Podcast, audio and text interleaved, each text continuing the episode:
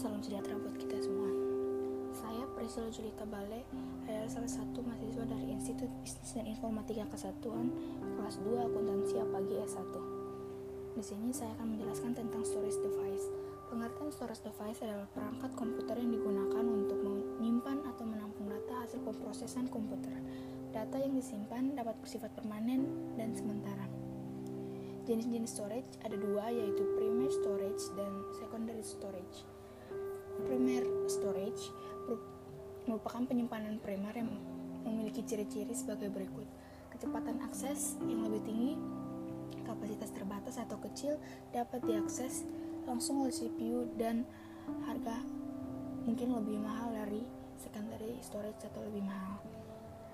Primary storage terdiri atas empat bagian, yaitu input area storage yang berfungsi sebagai menampung data yang dibaca, yang kedua program storage area section yang berfungsi sebagai penyimpanan instruksi-instruksi untuk pengelolaan, yang ketiga ada working storage area yang berfungsi sebagai tempat di mana pemrosesan data dilakukan, yang keempat ada output storage area yang berfungsi sebagai penyimpanan informasi yang telah diolah untuk sementara waktu sebelum disalurkan ke alat-alat output.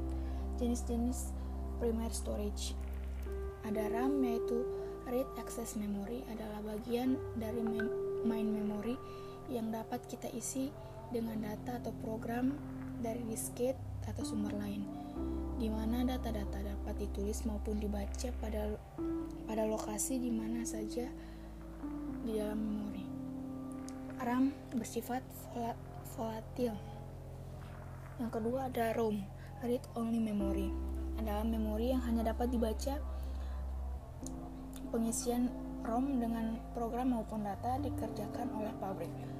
ROM biasanya sudah ditulis program maupun data dari pabrik dengan tujuan khusus, misalnya diisi, diisi penerjemah interpreter dalam bahasa basic.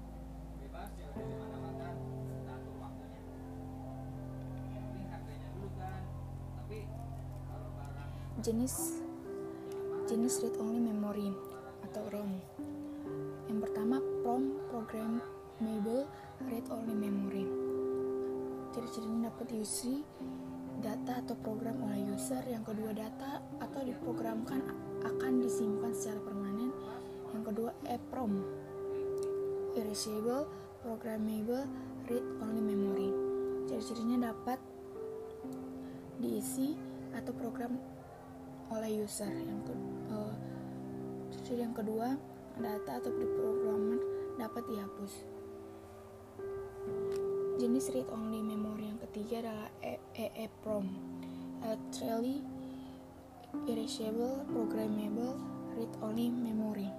Ciri-cirinya yang pertama dapat diisi data atau program oleh user secara elektrik. Yang kedua data atau diprogram juga bisa dihapus secara elektrik.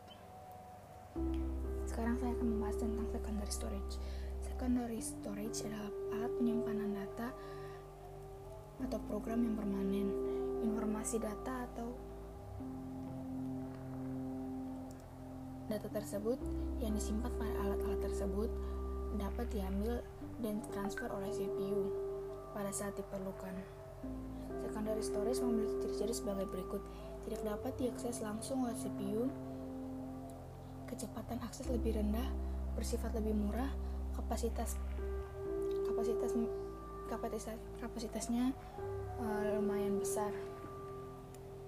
Kegunaan utama penyimpanan sekunder adalah penyimpanan program untuk menggunakan dasa, masa dating dan penyimpanan informasi dapat berbentuk file ada dua jenis secondary storage. Yang pertama, serial access storage device. Yang kedua ada direct access storage device. Beberapa pertimbangan dalam memilih alat penyimpanan. Yang pertama, cara penyusunan datanya. Yang kedua, kapasitas penyimpanannya. Yang ketiga, waktu aksesnya. Yang keempat, kecepatan transfer data. Yang kelima, harganya yang keenam persyaratan pemeliharaannya, yang ketujuh standarisasi. Berikut ini uh, adalah jenis-jenis penyimpanan sekunder. Yang pertama hard disk. Tugas dari sebuah hard disk adalah melakukan penyimpanan. Semua yang disimpan komputer ada ada di sebuah hard disk. Bukan hanya dokumen, gambar, musik, dan video saja, tetapi program preferensi bahkan sistem operasi semuanya disimpan dalam hard disk komputer.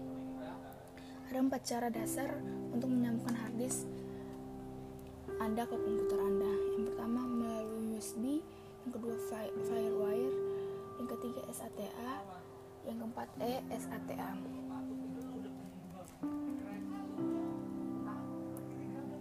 Yang kedua CD atau DVD. CD adalah sebuah piringan bundar yang terbuat dari logam atau plastik berlapis bahan yang dapat dari listrik sehingga bersifat magnet. CD juga dapat menyimpan data. Yang ketiga adalah mobile storage. Perangkat mobile pada umumnya dapat menyimpan informasi di tiga lokasi. Salah satunya adalah memori internal. Memori internal pada perangkat mobile terdiri dari RAM dan ROM. Yang keempat adalah tape. Tape merupakan metode penyimpanan rekaman dan bunyi dalam pita magnetik berbeda dengan film teatrikal. Akan tetapi kaset audio sudah jarang kita temukan saat ini karena banyak yang sudah beralih ke CD. Mungkin itu saja penjelasan dari saya. Sekian dan terima kasih.